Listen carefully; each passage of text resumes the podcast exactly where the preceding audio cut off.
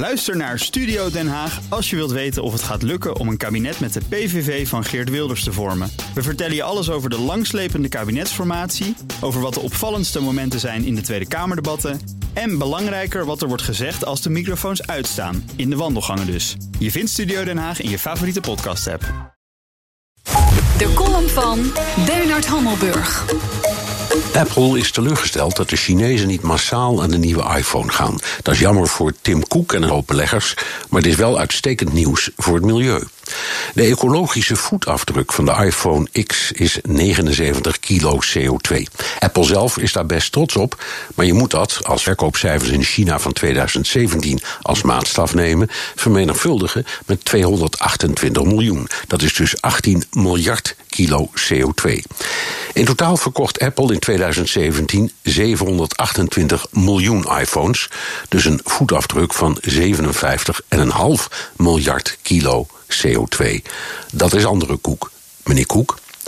Dan kun je zeggen, flauw om Apple eruit te lichten, maar als je naar de totale technologie sector kijkt, is de mobiele telefoon de grootste vervuiler en Apple wil graag de grootste zijn.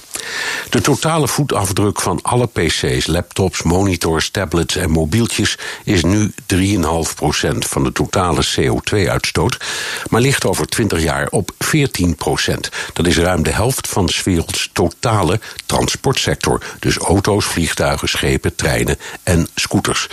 Want achter al die appjes, YouTubes, zoekmachines en e-mails zitten gigantische datacentra van Google, Facebook, Amazon, Microsoft, iOS en Android. En die datacentra zijn ecologische vulkanen.